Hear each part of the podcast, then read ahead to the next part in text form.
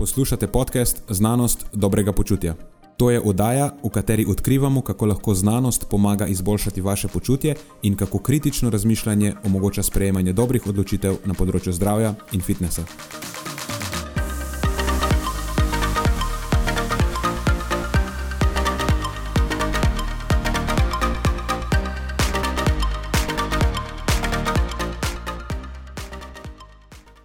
Preden začnemo, pa se moram zahvaliti še našim sponzorjem.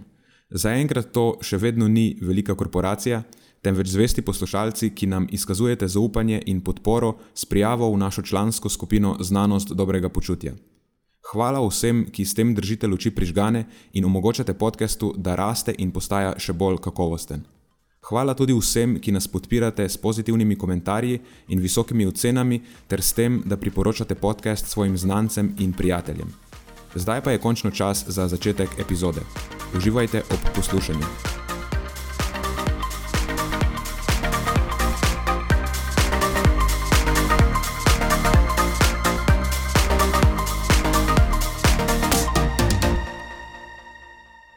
Kult beljakovin. To je bilo veselje. Ne? Ura je bila moja, ne šest zjutraj, ponedeljek je bil, ne? ta ponedeljek. Jaz se jih namenim, da si pripravim eno kavico, imel sem še na pol ure, preden um, sem imel prve stranke v Džimu in odprem še mail, kao da preverjam, ne, ker sem vedel, da ne bom mogel dolgo pol.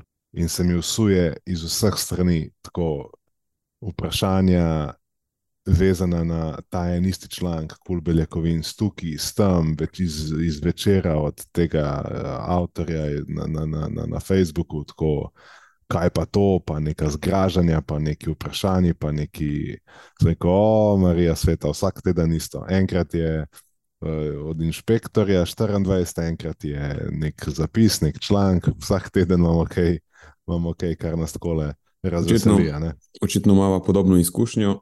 Ja, ti tudi ne. ja, ja. Pač odpreš Instagram, ja.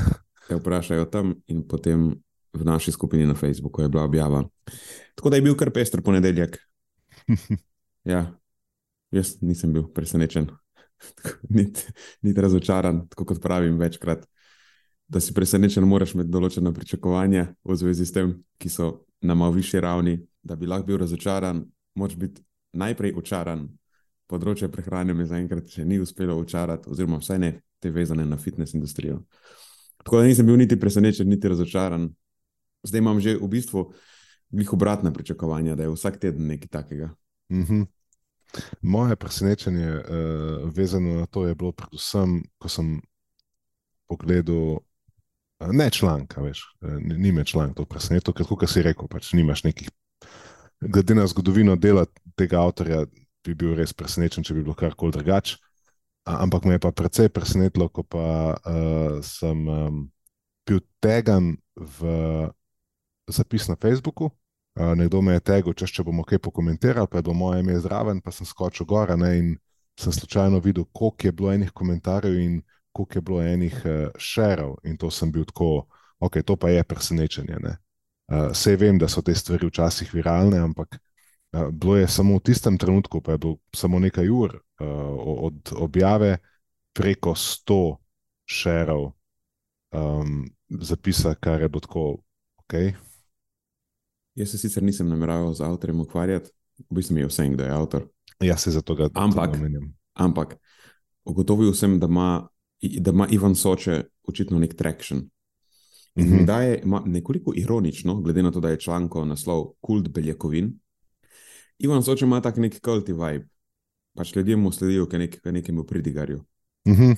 Ja, e, e, njihov verski voditelj. Ja, in on tudi on se obnaša kot nek pridigar. In pač ironično, zdaj tukaj on obtožuje industrijo v, bistvu v tem članku, da proba zgraditi nek kult beljakovin, v resnici pa je on tisti, ki že leta uspodbuja kult proti beljakovinam, oziroma pro, proti živilom živalskega izvora na splošno. Tako kot praviš, jaz tega avtorja poznam že zelo, zelo, zelo dolgo, od samih začetkov svojega dela. Se spomnim, da se je njegovo ime pojavljalo, verjamem, da o teh stvarih uh, piše že, že celo dlje od mene. Um, Tisto, kar pa mi je zanimivo, je, da je izjemno dosleden, pa ne v pozitivnem smislu. Se pravi, če sem jaz šel v svojih 15 letih cel vrtiljak, od tega, da sem podajal neke zelo nepreverjene, uh, impulzivne, mnenjske uh, trditve, um, ki sem jih potem, kasneje, ko me je srečala pamet, hvala Bogu, mogel uh, požreti, pa se popravljati, pa večkrat spremenjati svoje stališča, pa ne si pokazati na robe, pa da sem prišel zdaj po vsem tem času do nekih malo bolj stabilnih uh, načinov komuniciranja. Mi je pri njemu zelo zanimivo, da vsem, vsem tem času je njegov zapis ta, tako isti, kot pa 15 let nazaj. Tako ni se sprašuje. Verska dogma se ne, ne prvič niti ne preizprašuje, še manj pa spremenja. Tako da to je ena moja, mogoče samo uvodna, uvodna da ne bom rekel lekcija, ampak nek uvodni pomislek. Ne, če spremljaš nekega avtorja, pa tako že vrsto let ali pa dosledno komunicira ene iste stvari, potem to mogoče ne pomeni, da ima res samo prav, ampak da se mogoče res tudi ničesar ni naučil v tem času, da ni nekako evolviral svojih stališč. Um, um, mogoče tudi zato, ker si jih ne dovoli. Ne? Tako da mm. to ni znak, uh, mogoče je to prej znak nekega dvoma ali skepse, kot pa neke potrditve. Preden smo se zmenili, da posnamemo klasiko, oziroma da vključiva to zadevo v klasiko epizodo, je bil namen, da posnamem komentar o tem.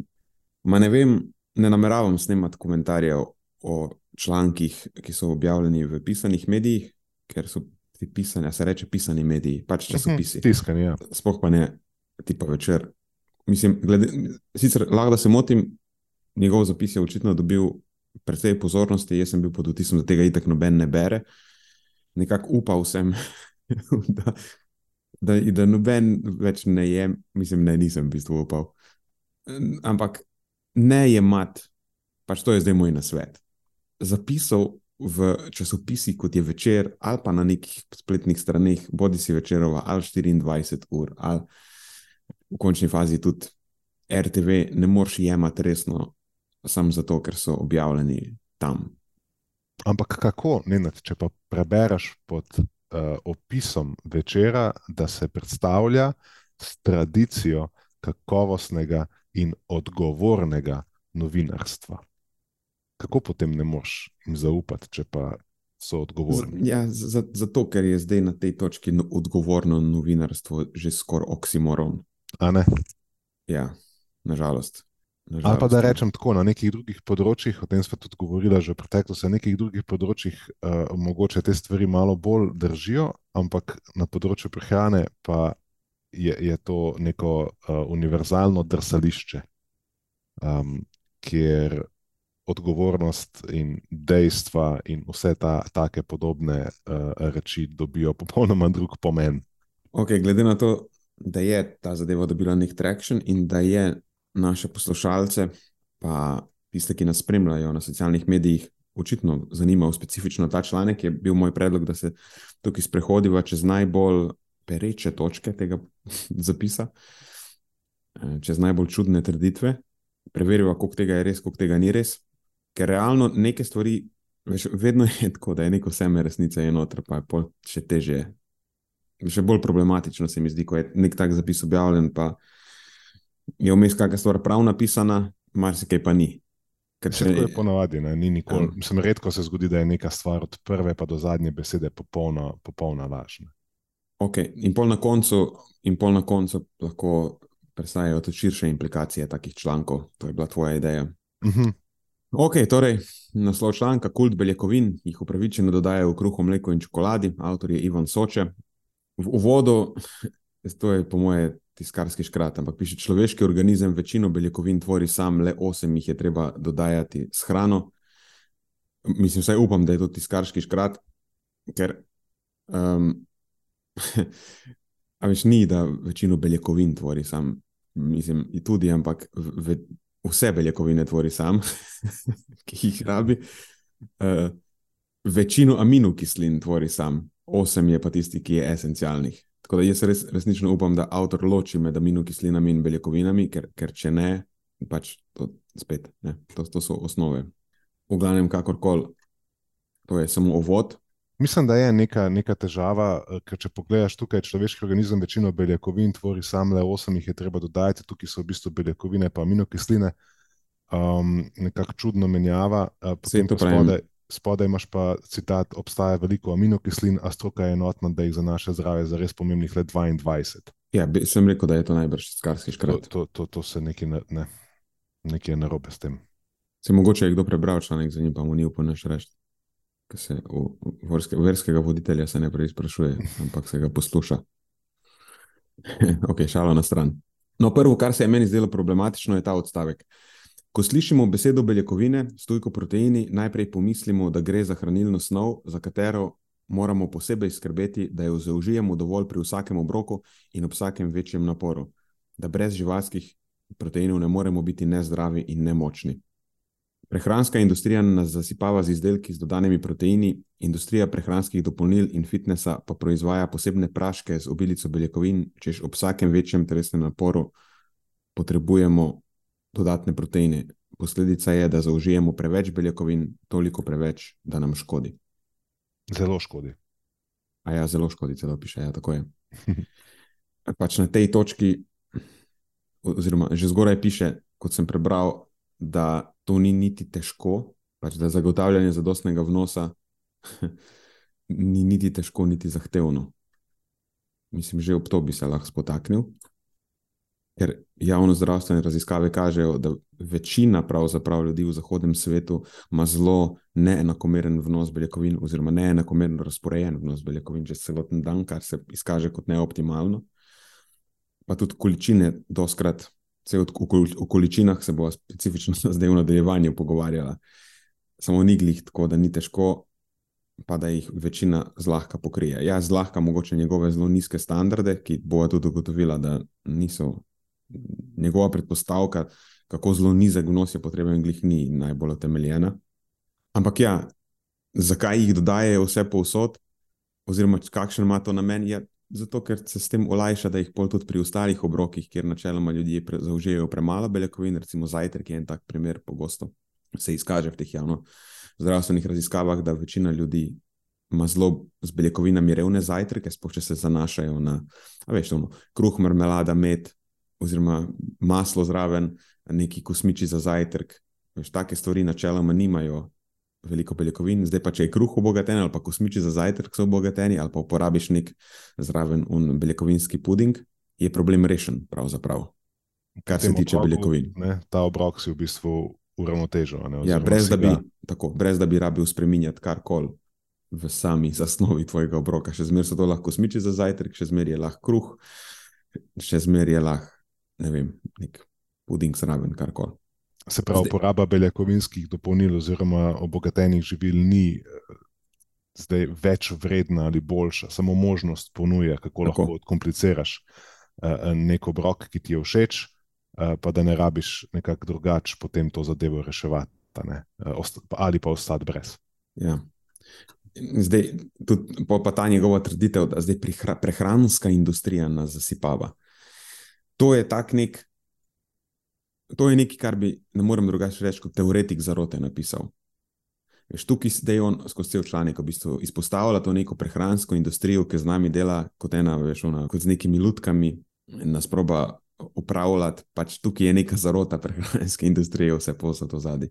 Ampak prehranska industrija se pač vse ja poskuša oblikovati neke izdelke, ki so privlačni, ampak veš, te izdelki so prišli na trg šele z zavedanjem o, o tem, kako so beljakovine problematične v sodobni prehrani, lahko in kot odziv nekih pritiskov potrošnikov. Seveda je tukaj vključenih več različnih akterjev, ki so, ki so v končni fazi tudi izobrazili splošno publiko o tem, kako so beljakovine pomembne, pa da jih ne uspejo zaužiti dovolj. Ampak ne vem. A ni, a ni ta dvoličnost, um, pa ne kritičnost, res fascinantna? če pomisliš, prehranska industrija je um, zlobnež, ko govorimo o ponujanju beljakovinsko obogatenih živil. Istočasno pa prehranska industrija ni zlobnež, če govorimo o tem, da je v zadnjih letih postavljena police številne rastlinske nadomestke um, in neka rastlinska živila od tofuja do tempeha, do raznih rastlinskih domestkov, um, mesa in, in nekih drugih živil, ki močno lahko obogatijo prehrano a, veganov, oseb, ki se odločijo iz takšnih ali drugačnih razlogov prehranjevati izključno rastlinsko.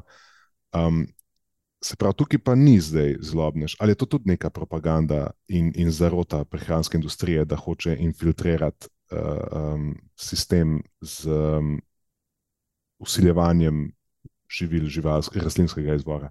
A razumeš? Ja, absolutno. Se pravi, na eni strani je, na eni se pravi, osredotočil si se problematizirati samo eno plat kovanca, ki tebi ustreza in ne biti dosleden v tem, da jo potem držiš tudi na drugih področjih do, do enakih standardov. Ali pa če gremo širše, gremo na avtomobilsko industrijo. Avtomobilska industrija nas, nas zasipava s tem, kako moramo imeti avtomobile, kako moramo se voziti z javnim potniškim prometom, kako oni zdaj želijo. Um, kako želijo služiti na nas za voljo našega zdravja in zdravja planeta. Vse imamo noge, vse gremo lahko povsod peš, vse v čem je problem, vse je možno. Ja. Tukaj lahko bi rekla, da prihaja do nekih dvojnih standardov. Lahko je pa sem pozabil to napisati. Jaz ne vem, kakšno je njegovo stališče, ali sovraži rekovine na splošno ali, ali samo živalskega izvora. Sovraži, mislim, sovraži, to je zdaj, ne, ne moremo na tak način govoriti. Lahko, se, rečem, je, lahko pa rečem, da je zelo, zelo, zelo dosleden, dosleden v svojih zapisih, da so beljakovine nekaj, s čimer se absolutno ni potrebno ukvarjati in je nekaj, kar lahko dobiš že skoraj da ne po nesreč, če samo poješ dovolj oglikohidratne hrane boš dobil beljakovine po nesrečno. In za voljo promocije tega sporočila je pripravljen tudi vedno znova generalizirati, se pravi, posplošuje, zanemarja različne potrebe po beljakovinah različnih subpopulacij, od otrok do starostnikov, do športnikov, do oseb, ki so poškodovani in, se, in, in, in v procesu rehabilitacije potrebujejo višji vnos beljakovin. To je vse zreducirano na skupni najmanjši imenovalec. Zato, ker na tak način drži vodo tej predpostavki, ne, oziroma tej, tem ne, pod navednicami verskem prepričanju. Ja. Um, Sej, s tem, kar si zdaj povedal, so pri tej točki. Češkao, ne, ob vsakem večjem telesnem naporu potrebujem dodatne uh, proteine, nad tem se zmrduje, kot da to je nekaj, kar ni pomembno. Dočim vemo, to je zdaj že dobro utemeljeno. Uh, da ja, ob vsakem večjem telesnem naporu, oziroma vsak posameznik s povišeno stopnjo telesne dejavnosti, še posebej, če se resno odejstvuje pri vadbi z bremeni, eh, sploh če je njegov cilj, recimo, povečanje mišične mase, ali pa recimo tudi v končni fazi pri vzdržljivostnih športnikih, so potrebe po beljakovinah povečane in to lahko celo močno povečane, tudi do dvakrat ali pa še več. Če hkrati pride do omejenega energijskega vnosa, uh, torej dvakrat ali več, kot so tista neka minimalna priporočila. In tukaj govorimo o vnosu zihar nad 1,2, pa vse do vsaj 1,5-6, lahko pa tudi 2 in čez grama beljakovin na kilogram telesne mase na dan. To je v literaturi zdaj že zelo dosledno pokazano. In obstaja tudi razlika med vnosom beljakovin ob katerem ne začneš doživljati simptomov tako akutnega pomankanja, in tistim, kar je optimalno, da podpre in tvoje cilje, in tvoje zdravje v končni fazi. Ena stvar, ki se pojavlja pri njemu nasplošno zelo pogosto in skozi ta zapis, prav tako zelo dosledno, je sklicevanje na neko avtoriteto brez potrditve, a ne se pravi. Že obstaja uh, svetovno strokovno soglasje, da je treba pri vnosu beljakovin biti zelo skromen, kakšen je naprimer to stavek sploh. Potem um, znanost je soglasna pri tem, da vem, so živalske beljakovine škodljive. Nesporne in nič koliko krat dokazane resnice so, da ne obstaja raziskava, ki bi pokazala, da živalska hrana prispeva k boljšemu zdravju ljudi. E, se pravi, govorimo o tem, da se uporablja znanost in stroko in nek tak način retorike, brez vsakršnega konkretnega, uh, konkretne reference, ne? ampak samo skozi tekst, da, da se v bistvu pušča ali pa ustvarja vtis, da je to pa nekaj, kar pa v bistvu je pa zdaj že res zelo dobro utemeljeno, je pa v bistvu čist kontra. Ja, ironično, mislim, to ironično je prvo, kot prvo potegnjeno izriti in res je ironično, ker konsens je na tej točki zdaj že in v znanosti in tudi zanimivo, da določene organizacije, ki jih tam navaja, dajo čist kontra priporočila temu, kar on pravi, da te organizacije ja. priporočajo. Mislim, res je bizarno, skoraj bizarno, groteskno dobesedno zlaže se v tem članku. Ja, večkrat in to, to, to skozi počne, in, in tudi redno ne navaja v bistvu virov, ker tudi če bi šli preveriti te vire, bi našli največkrat ravno to, kontra priporočila ali pa zelo veliko raznolikost v priporočilih. Se pravi, našli bi take reči, takšne podatke, ki bi jih težko potem reducirali na to neko uniformno, uh, ta nek uniformen evangelij, ne, ki ga on želi predstaviti, kot da, um, kot da je to nekaj, kar je že tako dobro utemeljeno, da se praktično, zakaj se sploh še o tem pogovarjamo. Ne. In potem so pri tej naslednji stvari, pravi, toliko preveč je to beljakovin, da nam zelo škodi. Ne, spet, odkje, odkje je to? Kako, kje je pokazano, da nam zelo škodi. V bistvu je pokazano pravzaprav čisto nasprotno. Da tudi zelo visok vnos beljakovin, Antonijo in sodelavci v seriji večjih raziskav, pač iz njegovega laboratorija so te raziskave. Ljudi so hranili več tednov zapored z izjemno visokimi vnosi, 3,4, tudi 4,4 grame beljakovin na kilogram telesne mase na dan. Dobesedno so, jih, so jim tlačili beljakovine v prahu, tisto, kar najbolj ne mara po grlu, ker drugače niso mogli doseči tako visokega vnosa. In so pokazali, da v bistvu pri teh posameznikih res je, da so vadili z bremeni, ampak ni prišlo do nobenih neugodnih učinkov. V bistvu, ko čist če at face value to pogledava, so bili učinki pravzaprav bolj pozitivni kot negativni. Če se prav spomnim, je bil nek um, opazen osip odeležencev v tej študiji na račun poročanja o izjemni neuzdržni sitosti. Ja, niso mogli dejansko vzdrževati tako visokega vnosa ja, in je prišlo do usipa. Ampak ti, ki pa ga so vzdrževali, pa so kvečemu pridobili pusto telesno maso. Niti niso pridobili toliko maščobe, kot bi bilo predvideno samo na podlagi. Kaloričnega vnosa. Pre, preseška. Ja. Zdaj, vprašanje je, če so dejansko lahko so druge hrane manj pojedli, ampak vedno je to problem pri teh raziskavah. Ampak samo tako, Veš, ni, ni jasno, da nam škodi. Pravzaprav nekako nam zelo verjetno ne škodi, prej ima ugoden učinek. In uh, pol, recimo, v nadaljevanju, to je naslednji stavek, ki se ga moramo dotakniti, pravi: zdravje, močne mišice, energija, vitkost, to so besede, ki jih povezujejo z beljakovinami. Resnica pa je tudi drugačna. Poškodbe ledvic, imunske disfunkcije, slabo splošno zdravstveno stanje, napredovalni rak, osteoporoza, artritis, ledvični kamni in krajša življenjska doba so le nekatere posledice čezmernega vnosa beljakovin. To je lahko sam laž, ker nič od tega ni pokazano in ni, da je resnica drugačna. Mislim, ja, resnica je drugačna od tega, kar je on napisal. Prvič, poškodbe ledvic, to je zdaj že zelo jasno, da je nekaj, kar se ne zgodi. Obstaja en dober sistematičen pregled z metaanalizo to so Devris, Mihajla Devris in sodelavci iz 2018, kjer je pokazano, da višji vnos beljakovin nima neugodnega vpliva na funkcijo ledvic. Um, in, in da je lahko pravzaprav celo obratno, da izjemno nizek vnos beljakovin poslabša funkcijo ledvic. No, pa, pa tudi vse ostale stvari, ki jih omenja, recimo imunske disfunkcije. Mislim, znano je, da prenizek vnos beljakovin unesposobi lahko imunski sistem. Uh, Ja, pri, tako, pri, pri napredovalnem raku, pri ljudeh, ki uh, so hektični, veš, tam se vsi trudijo, da jim zagotovijo zadost beljakovin, ker je breme na telesne beljakovine izjemno visoko, ker so v stanju kroničnega vnetja. Pri osteoporozi tudi zdravjem uh, kosti je višji vnos beljakovin v bistvu pozitivno povezan, ne nujno direktno, ampak glede na to, da ljudje, ki uživajo višji vnos beljakovin, imajo več puste telesne mase, ehm, močnejše mišice in posledično imajo najbrž tudi močnejše kosti. Ehm, v literaturi je povezava pokazana sploh takrat, ko je višji vnos beljakovin iz naslova živil, ki imajo tudi, tudi višjo vsebnost kalcija, ali pa nasplošno je v kontekstu prehrane, ki ima višjo vsebnost kalcija, ne? verjetno mlečnih izdelkov in česa takega. To je spet nekaj, kar njemu ne bi bilo všeč, po moje.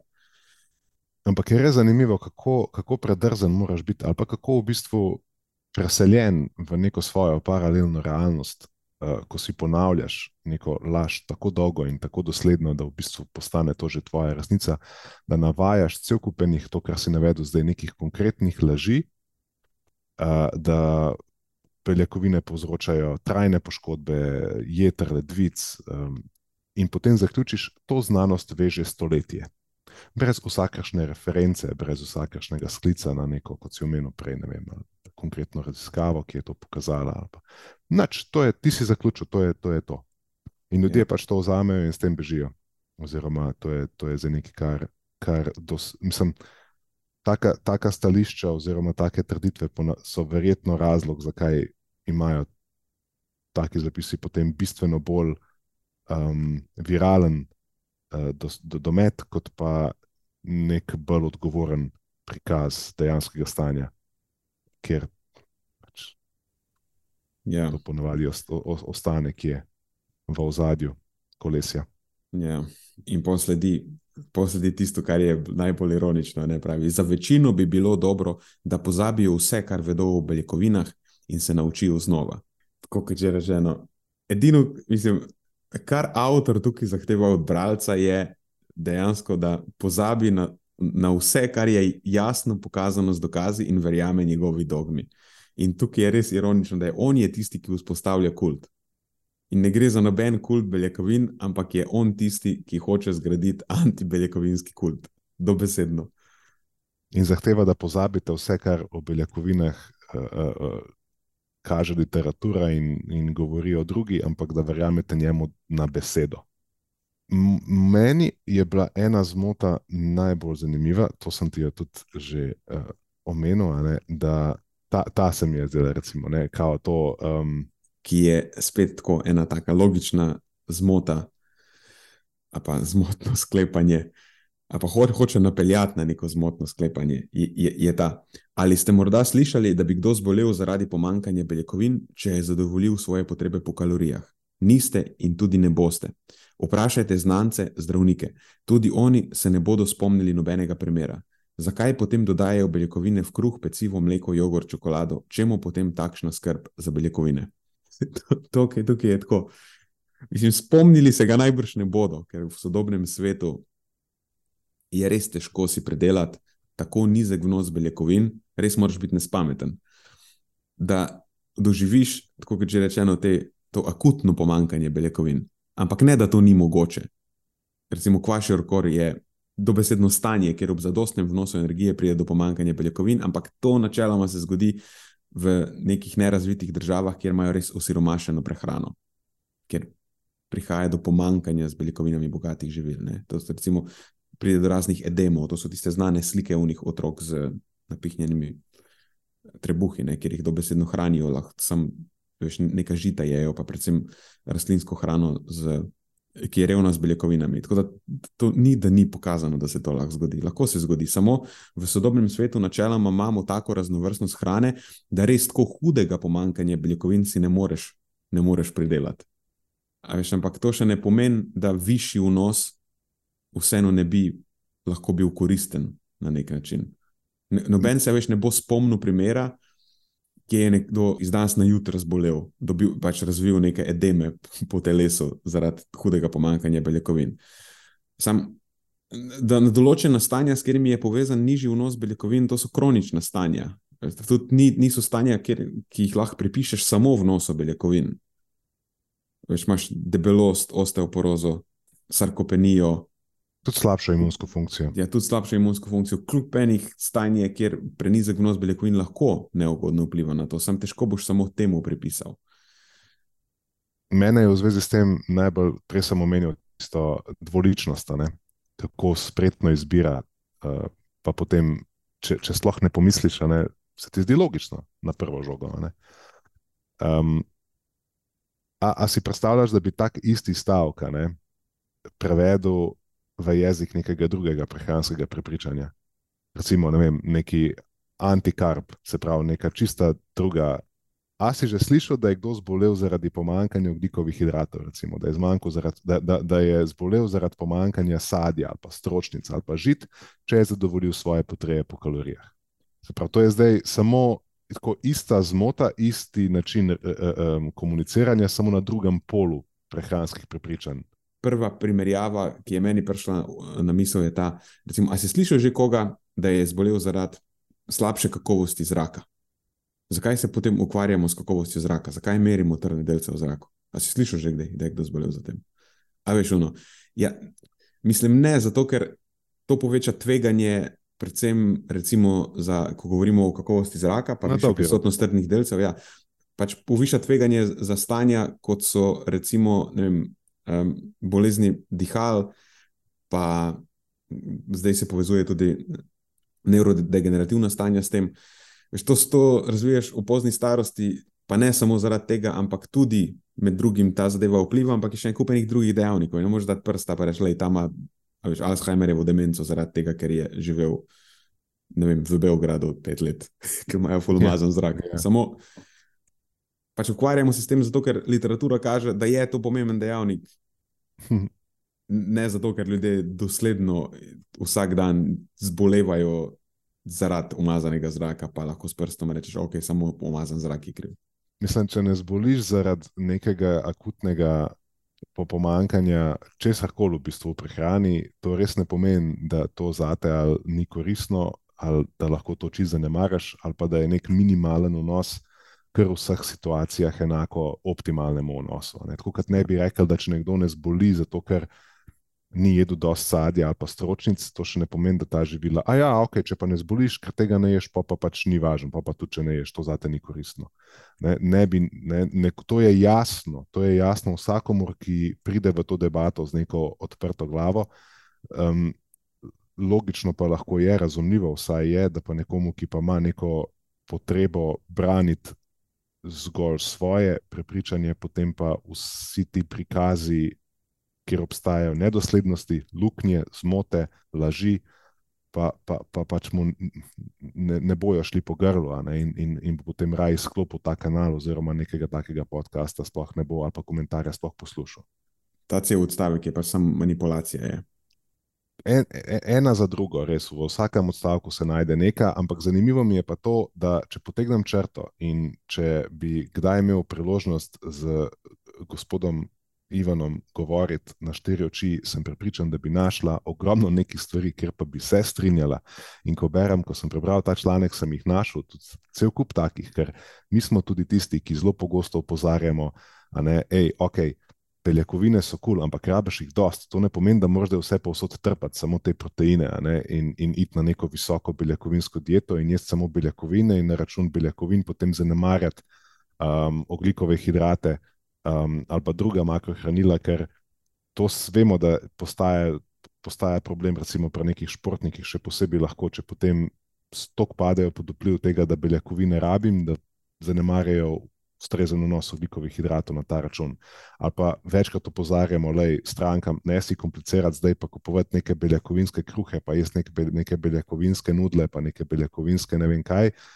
Ne, se pač lahko si vzameš čist navadni, so tudi ok, pa boš dobil beljakovine z nekimi drugimi živili, ne, kjer ti je to malo bolj skladno. Se pravi, imamo, a veš, se, bi se strinjal lahko v tem, da, da pa mogoče neko prenapihovanje koristi nekih beljakovinskih živil, pa uporaba zdaj beljakovinskih živil, above all and everything else, tudi ni nekaj, kar bi bilo smiselno za večino ljudi. Ne. Tako da um, ti, recimo, vem, da si že od nekdaj skeptik v beljak, do, beljakovinskih čokoladic.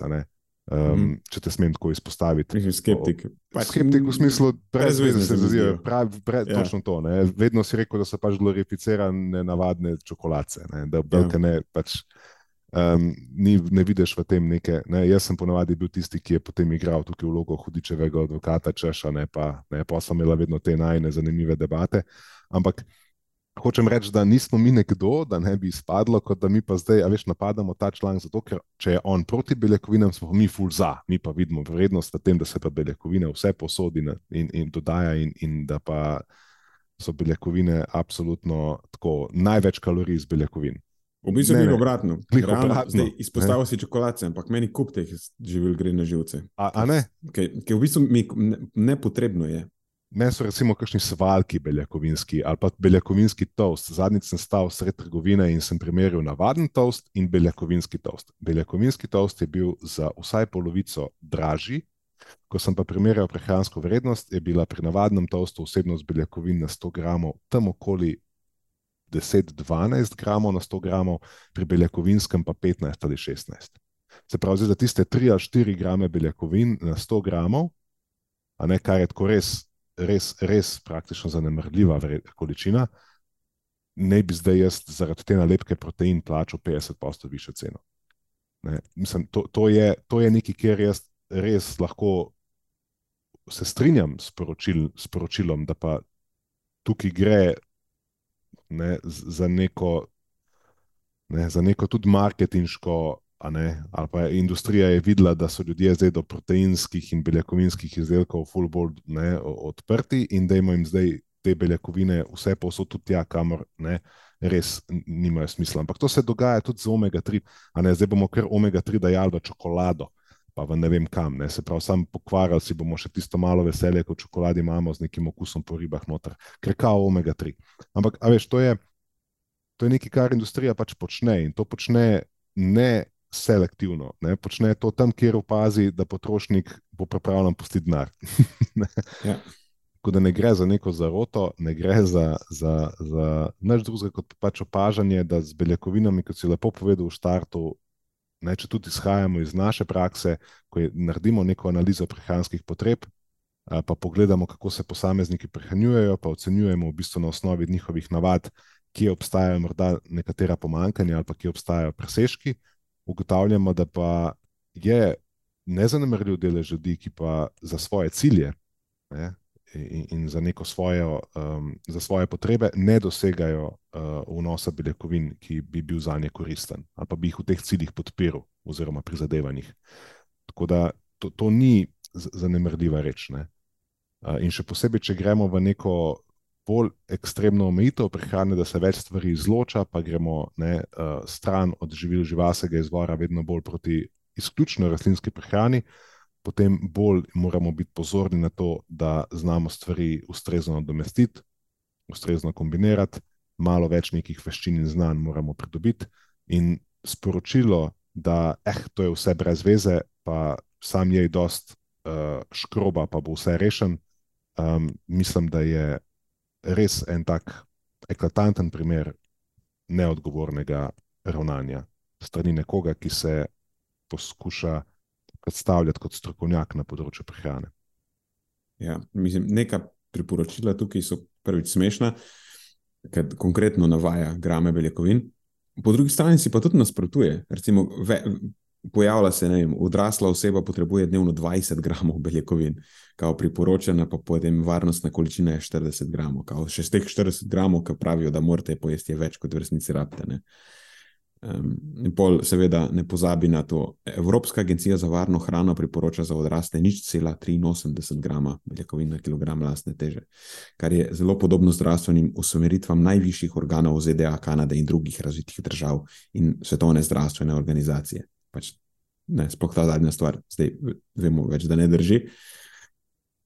V luči tega, kar je zgoraj napisal, je ta 20 do 40 gramov malo nenavadno, ker pa napiše, obstaja veliko verodostojnih, neodvisnih raziskav, ki dosledno dokazujejo, da hrana bogata z rastlinskimi beljakovinami pre- preprečuje številne bolezni, upočasnjuje in izboljšuje njen potek. A veš, tako zdaj se odloči, a hočeš zelo nizek vnos beljakovin ali hočeš poveličevati rastlinske beljakovine, ker ne moreš eno z drugim. Točno to, ne? ker tudi z rastlinskimi zelo dober, dober si tukaj ujel, ne? to še eno nedoslednost. Um, oziroma nasprotovanje, bolj, bolje rečeno. Um, ker tudi z rastlinskimi živili, z rastlinsko prehrano se da doseči uh, potrebe po beljakovinah. V, zadnjih, v zadnjem komentarju si izpostavil primer, mislim, da je že Sobočan, tisti zražljivostni športnik, ki je vegan in je v tistem prispevku pokazal nekaj izsekov iz svoje prakse, ker res ne, se vidi, da se tudi z nekimi ustrezno formuliranimi obroki da doseči više potrebe po beljakovinah za vzdržljivostnega športnika. Ne. Ja. Tako da tukaj pol zdaj, čakaj, ampak tukaj zdaj govorimo o vnosih 1,6, 1,5, 1,7, mogoče celo 1,8 grama na kilogram telesne mase, kar je lahko po, po 100, 150 gramov beljakovine na dan, kar je trikrat, štirikrat več, kot si jih bihkrat tukaj zdaj omenil, da je pa nekako, um, da je reč varno. Ne? Tako da to, to, to, to je. Veš, sploh ne veš, kako se tega pol lotil. Razen, če enostavno bereš tako kot bere nekdo sveto pismo. Ne? Ne ja, ker v, v ja. treh odstavkih potem že pozabiš, kaj je bilo napisano. Ja, ja. Pred tremi odstavki. Ne vem, res tudi ne vem. Ja. Spodaj imaš še, še eno zmotno sklepanje. Nadaljuje, v polovici sveta je torej stroka enotna, v drugi polovici sveta, Japonska, Kitajska, Indija, Afrika, pa prebivalci brez kakršnih koli priporočil zaužijejo bistveno manj beljakovin in imajo zelo manj ali sploh nič bolezni sodobnih družb. In zdaj to vse skupaj, kako si prišel, da zdaj beljakovine so tisti razlog, kjer imajo manj pa sploh nič bolezni sodobnih družb. Tako sploh ne mi umenjati Afrike, mislim, tam ljudje nimajo veliko krat za dost za jesti sploh. Ne, nimajo bolezni sodobnih družb. Ja, valjda nimajo bolezni sodobnih družb, če niso sodobna družba. Ne, po drugi strani pa pol Japonska, a veš, tam ni glih vnos beljakovin tisti, zaradi katerega načeloma so Japonci populacija, ki je bolj zdrava kot recimo neke zahodne družbe. Obstaja še en kupenih drugih dejavnikov. In je vnos beljakovin pri njih verjetno čist nepomemben. V, v glavnem ostaneš na koncu skoraj brez besed. Um, presenečen si lahko, ampak potem, ko malo razmisliš, ugotoviš, da v bistvu niti ne moreš biti, kaj ti taka bolj skrajna, evangelistična stališča ponavadi dosežejo tudi bistveno um, širše množice. Uh, zato smo tudi rekli, mogoče uh, lahko uporabiva ta zapis, če je bil že tako viralen, kot nek primer, kaj se zgodi, če enostavno izbiraš zapise na osnovi svojih predobstoječih prepričanj, ki jih najprej sprašuješ, ampak enostavno jih samo deliš impulzivno, um, tako kot bi pač res. To, to je nek modus operandi nekega verskega prepričanja. Pa ne rečem, da je karkoli narobe z vero, ampak um, prehrana pač to ni, ni, ni, ni vera, ne deluje na tak način. In mene enostavno potem vedno znova zaskrbi, kakšne so kam to na nek način vodi in kakšne so posledice takšnega početja, če jih razpotegnemo na populacije, ki, do katerih te vsebine pridejo. Ne. Se pravi, enostavno se tudi mediji, ki temu dajo prostor, krepi in krepi in krepi se lahko neko tako sporočilo, določene subpopulacije dobivajo hrano v podporo. Svojim zmotnim stališčem, ki jih potem ponavadi na, vemo, da obstaja ta ta povezava, da tisti, ki so v neki temi najbolj neuki, so v tej temi tudi najbolj glasni, uh, najbolj se čutijo poklicane, da, svoje, uh, da, da ta svoje mnenja uh, potiskajo po grlu tudi ostalim v svojih krogih. In, in to je neki, ker to je način, kako se lahko zmotne informacije širijo hitreje kot pa bi nekdo širil korektno predstavljanje informacije, kjer obstaja več nijans, več konteksta, več kompleksnosti, ker to je nekaj, kar pač ne moreš na tak način uh, predstaviti kot nek one size fits all, neki kot v smislu I told you so, tako je. Ker v neki situaciji je, v neki situaciji ni. Ne? In, in tukaj imamo potem težavo, če bomo še naprej na področju prehrane delovali na tak način, da pa to se že zdaj dogaja, da v bistvu se bodo formulirali samo tabori, kjer ne bo več prizadevanja k razumevanju tistega, kar v tem trenutku uh, je najbližje neki objektivni resnici, ampak bo dobesedno neko sabljanje ali prepucavanje z nekimi mnenji, ki jih bomo prezentirali kot dejstva, in prihaja do nekega ideološkega boja, kjer ne zmaga tisti, ki pač ima prav, oziroma tisti, ki govori najbolj skladno z dokazi, ampak ima prav pač tisti, vsaj na vzven, ima prav tisti, ki to počne najbolj agresivno, najbolj ekstremno in najglasneje. Ki zna najbolj angažirati vaše čustva. Ki zna najbolj angažirati vaše čustva. Hvala, evo. Kot, in to je nekaj, kar mene v bistvu, kot nekoga, ki se že celo svojo kariero prizadeva k približevanju in razumevanju eh, resnice na področju prehrane, in to nekako poskušam biti tudi na svojem primeru, vedno bolj iskren, da, da, da z dejanji pokažem, ko sem bil stran od resnice, da sem pač mogel prilagoditi pot, mogel napredovati. Me, me skrbi, ne, ker enostavno za mlajše generacije, tiste, ki bodo prihajali za nami, se, se v bistvu, kako bomo pa mi zares lahko ljudem pomagali. Ker, a veš, vse nimamo neke osnove, na kateri lahko pomagamo. Se predstavlja, da bi bila neka druga, neko drugo strokovno področje, kot je recimo medicina, če jo lahko uporabim kot primer, ali pa kakšno drugo, ta, tako raztresena, da v bistvu ne bi bilo nobenega konsenza, kako lahko zdaj mi pristopamo, delujemo, nagovarjamo ljudi, kaj je res, kaj ni res. A veš, kako bi lahko nekdo, ki zboli za prehladom ali pa zboli za neko drugo boleznijo, sploh bil potem deležen nekega strokovnega tretmaja, če bi ne bil noben konsens o tem, kaj sploh je smiselen pristop v nekem primeru, in bi pač bilo vse enako relevantno, bolj ali manj odvisno od tega, pač koga vprašaš. Ne? To je nekaj, kar kar tako malo skrbi. Si predstavljaš, iti v šolo, kjer nekako ni nekega tako učbenika, po katerem se učiš zgodovine ali geografije. Vse je stvar pogleda, perspektive, dojemanja in interpretacije. In, in hrana gre v to smer, ne? oziroma prehrana gre v to smer. In to je nekaj, kar mene tako na nekem um, globljem um, nivoju malo pretresa, vsakeč, ko vidim, da nek tak, tako skropucalo uh, od, od, od zapisa lahko dobi tak outreach oziroma tako podporo. Um, ampak ne vidim pa neke, neke, neke rešitve ostanem ponavadi vedno brez rešitev, kaj bi pa lahko tukaj naredili, razen tega, da poskušamo oblikovati neko močnejšo, bolj tesno povezano, evidence-based skupnost, ki uspeva te reči uh, dovolj dosledno, dovolj v en glas um, nagovarjati, da se nekako tukaj ustvari neka proti utež uh, in da pri ljudeh potem to zbudi nek interes nek interes po preverjanju na nekem viru, na nekem naslovu. Tako da mogoče je to neka smer razmišljanja ali debate, ampak za kaj tasga bi mogli pokazati neko homogenost uh, v delovanju, tudi mi, ki se trudimo za um, bolj preverjene informacije.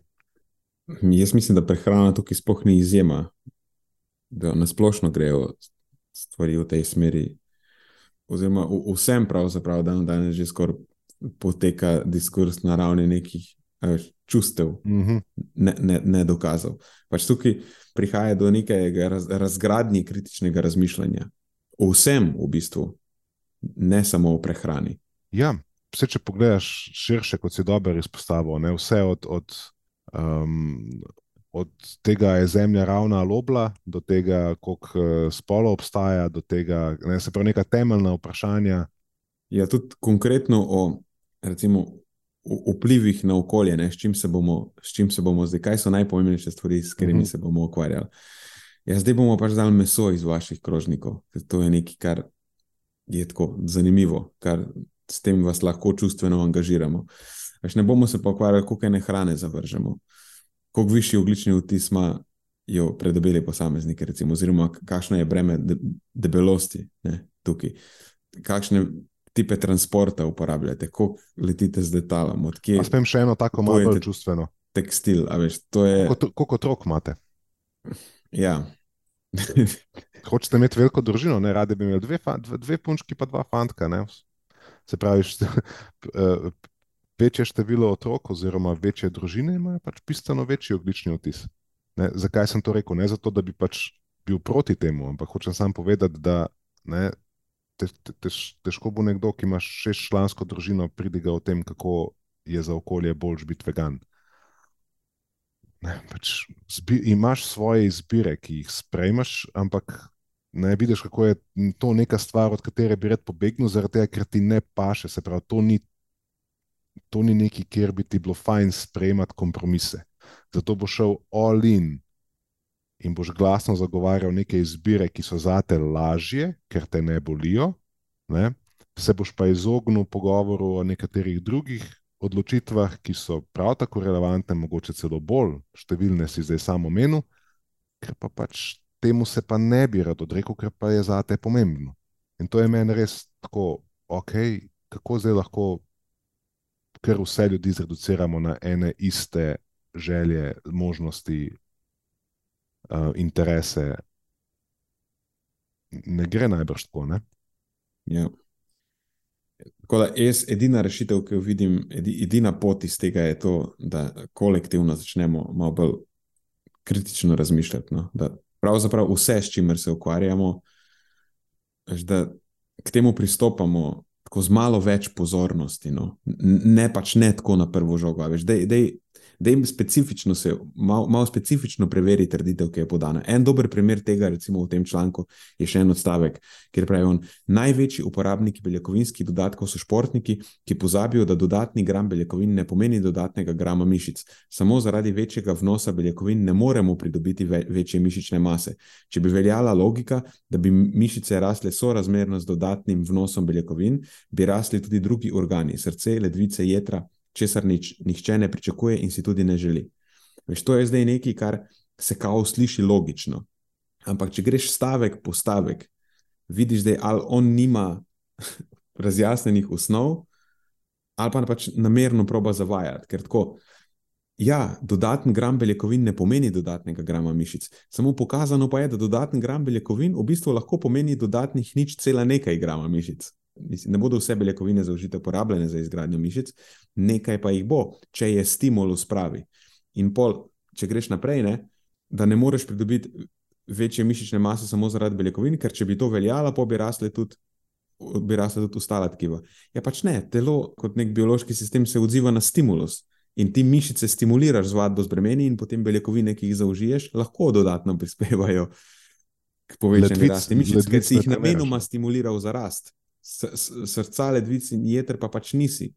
Veš, tako, samo če, če kritično oceniš ta odstavek, vidiš, da je pravzaprav zdaj, a je posledica pomankanja znanja, pomankanja v bistvu znanja o osnovah, ali je pa namerno zavajanje. Podla, ne, s pomočjo nekega kao logičnega zaključka, ki pravzaprav je logičen, lahko samo takrat, ko pozabiš, kako stvari v resnici funkcionirajo. Tako da kaj lahko izpostavlja kot nek epilog? Pač ne brati v večeru člankov o prehrani. Ja. Jaz lahko pač rečem, da če slučajno komu ni bilo še jasno, da potrebe po beljakovinah ne moremo zreducirati na točno 48,5 grama, ampak so, se lahko močno razlikujejo tako med posamezniki, v odvisnosti od številnih dejavnikov, pa so to lahko cilji, pa je to starost. Starostniki smo rekli, da ponovadi imajo povišene potrebe po beljakovinah, pa je to lahko telesna dejavnost, kako intenzivna je in kakšen tip uh, izbiramo, kakšno je naše zdravstveno stanje, omenil si, kakšni bolniki imajo lahko više ali nižje potrebe. Ja, tudi športniki. Uh, tudi športniki. Doječe matere najbrž. Doječe matere imajo pokazano više potrebe po beljakovinah v času dojenja. Um, ja. Tako da zato je pač precej pomembno poznati te strokovne smernice v teh različnih populacijah in te nekako ustrezno prilagajati, ko delaš s posameznikom, upoštevajoč tudi njegove preference, ker lahko da nekomu bojo beljakovinska živila bolj všeč, nekomu manj, pa se bo potem nekako mu pomagalo tukaj najti za njega najbolj ustrezen, ustrezno mesto na tem intervalu priporočil. Pa seveda tudi v teh smernicah ustrezno komunicirati, ne, kar taki zapisi absolutno niso, oziroma so dober primer, kako izgleda neodgovorno komuniciranje. Um, če pa bi jaz lahko podal samo en tak zaključek, uh, ali pa nek napotek, ali pa neko ne vem, um, heuristiko, pa je to to, da če prepoznaš v nekem zapisu, da je neka, neko živilo ali pa neka skupina živil, pa ne bojo to živalski viri beljakovin ali pa rastlinski viri beljakovin ali ugljikovi hidrati ali sladkorji ali karkoli, da se nekaj pri prehrani ali demonizira, se pravi, prikazuje kot škodljivo, ker samo po sebi, ali pa da se kuje v zvezde, se pravi, da se prikazuje kot zdravilno, kot samo po sebi, da je to zelo dober pokazatelj, da to ni zapis, ki ga želiš jemati zelo resno ampak da ga moraš vzeti kar ne samo z ščepcem soli, ampak kar s celo šeflo. Sprav, to je ponavadi nekaj, kar je dost vodotesna heuristika, ker prehrana ne deluje tako, da v izolaciji neko živilo, neka spojina, ker lahko ima nek neverjetno škodljiv ali pa neverjetno zdravilen učinek. Jaz bi dodal pa še to, da če nekaj, da, da, da vedno obstaja nek, nek razpon vnosa pri hranilih. Veš, tudi, če ja, imamo vzpostavljeno neko spodnjo mejo beljakovin, ki ne povzroča nekega akutnega stanja ali pa simptomov. Ampak to še ne pomeni, da, da višji vnos zaradi tega ne more biti koristen, sploh za specifične cilje. In uh, kar se tiče nekega bolj splošnega zaključka, je pa ta, da dajmo malo pristopiti, se je namignil že v tej smeri, kritično k vsem zadevam, ne samo prehrani. Pač moraš si vzeti čas, pa tem zadevam nameniti malo več pozornosti. Ne moreš jih imeti kot svete, samo zato, ker so bile objavljene v nekem mediju. Ena stvar, če pa smem mogoče dodati, je pa eh, nekaj, kar beseda, ki pa po mojem mnenju izginja, tako kot kritično razmišljanje, ampak še ena beseda izginja iz naše prakse uh, in to je radovednost. Kam je šla? Eh, če prebereš nekaj, kar je tako, hm, recimo, ne, prebral sem ta zapis in zdaj ne vem, kako se te stvari pojasniti. Mogoče nimam, um, ne znam si postaviti pravih vprašanj, ampak sej z radovednostjo ni nič narobe, sej lahko vprašaš tudi ne vem, kaj je narobe z vprašanjem, zakaj, ko nekdo piše, piše v obliki trditev. Če je to področje, ki ga ne poznaš, strokovno nisi tukaj podkovan, ne znaš se dobro orientirati, ne moš pa nastopiti s trditvami, češ ti nekaj zdaj veš. Nastopi z vprašanjem, se ni nič narobe s tem, jaz to počnem vse čas. Do tebe to počnem vse čas. Ne? Postavi vprašanje, sej prebral sem ta zapis tukaj, pa tukaj. Mi smo lahko, ali pa kdo od naših kolegov, verjamem, da bo z veseljem podal nek odgovor, ali pa vsaj znal usmeriti na nek malo bolj objektiven, referenčen vir informacij, kjer si lahko potem prebereš neko malo bolj celostno razlago o tej, o tej konkretni temi. Ampak poleg tega, kar sem omenil prej, se mi zdi ta ne, radovednost nekaj, kar ne, ne rabiš vse prevzemati sam na sebe lahko, če si prebral nekaj, pa se ti, ti, ti, po, ti pojavljajo vprašanja. Postavi vprašanje, razišči, bodi radoveden, preveri, kdo so neki posamezniki in organizacije, ki, se, ki si prizadevajo k temu, da podajajo preverjene informacije, in, in, in ne iti mogoče sam, če veš, da je to zate spolsko po, po, področje, brskati po internetu o tem, ker internet ni dober način, dober vir informacij za takšne, ki se nekem ne, na nekem področju ne znajdejo dobro. Ne? Tako da greš lahko na tak način poskusiti. Ne? ne vem, kaj ti misliš o tem, ampak meni se zdi, recimo, to tudi ena taka, tako, ajde, verovalka. Si, to, v končni fazi to so pravzaprav naredili tisti, ki so nam posredovali članek. A ne? Ja, Zato se tudi odzivam. Ne? Mislim, da namen te, tega podcasta je, je to, da odgovorimo na ta vprašanja, ki so jih postavili. In, in se, se potem odzovemo in odzovejo, ponovadi, če, če se pogovarjam s kolegi, vedno na take stvari, rade volje. Um, ker v tem vidimo naše poslanstvo, pomagati stvari približati na način, da, da, da so bolj korektne informacije, da prijete do malo bolj jasnih predstav o teh nekih um, prehranskih temah, ki so najpogosteje pereče v javnosti. Tako da mi se bomo še naprej trudili početi te stvari, ne bomo pa mogli, kot si ti rekel, ne na, vsake, na, na vsako stvar skočiti, ne, ker je tega enostavno preveč. Um, tako da neka selekcija bo potrebna. Um, tako da je to, kar smo pač izbrali, to, ker je en tak zanimiv prikaz, kako lahko spacaš različne uh, zmote uh, in dvoličnosti v argumentaciji, da bi dosegel neko sporočilno vrednost. Ne, pod katerega ja, pač, se že leta podpisuješ.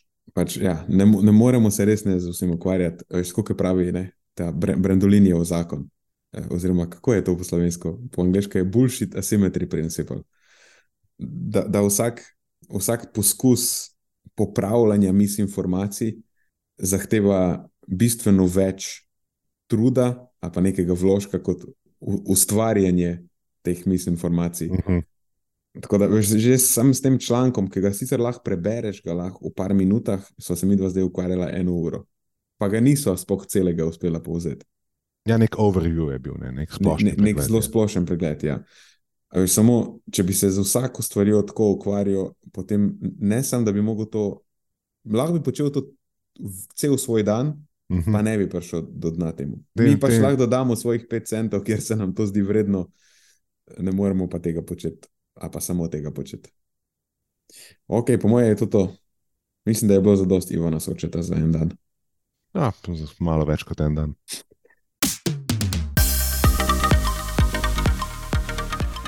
To je za tokrat vse iz naše strani.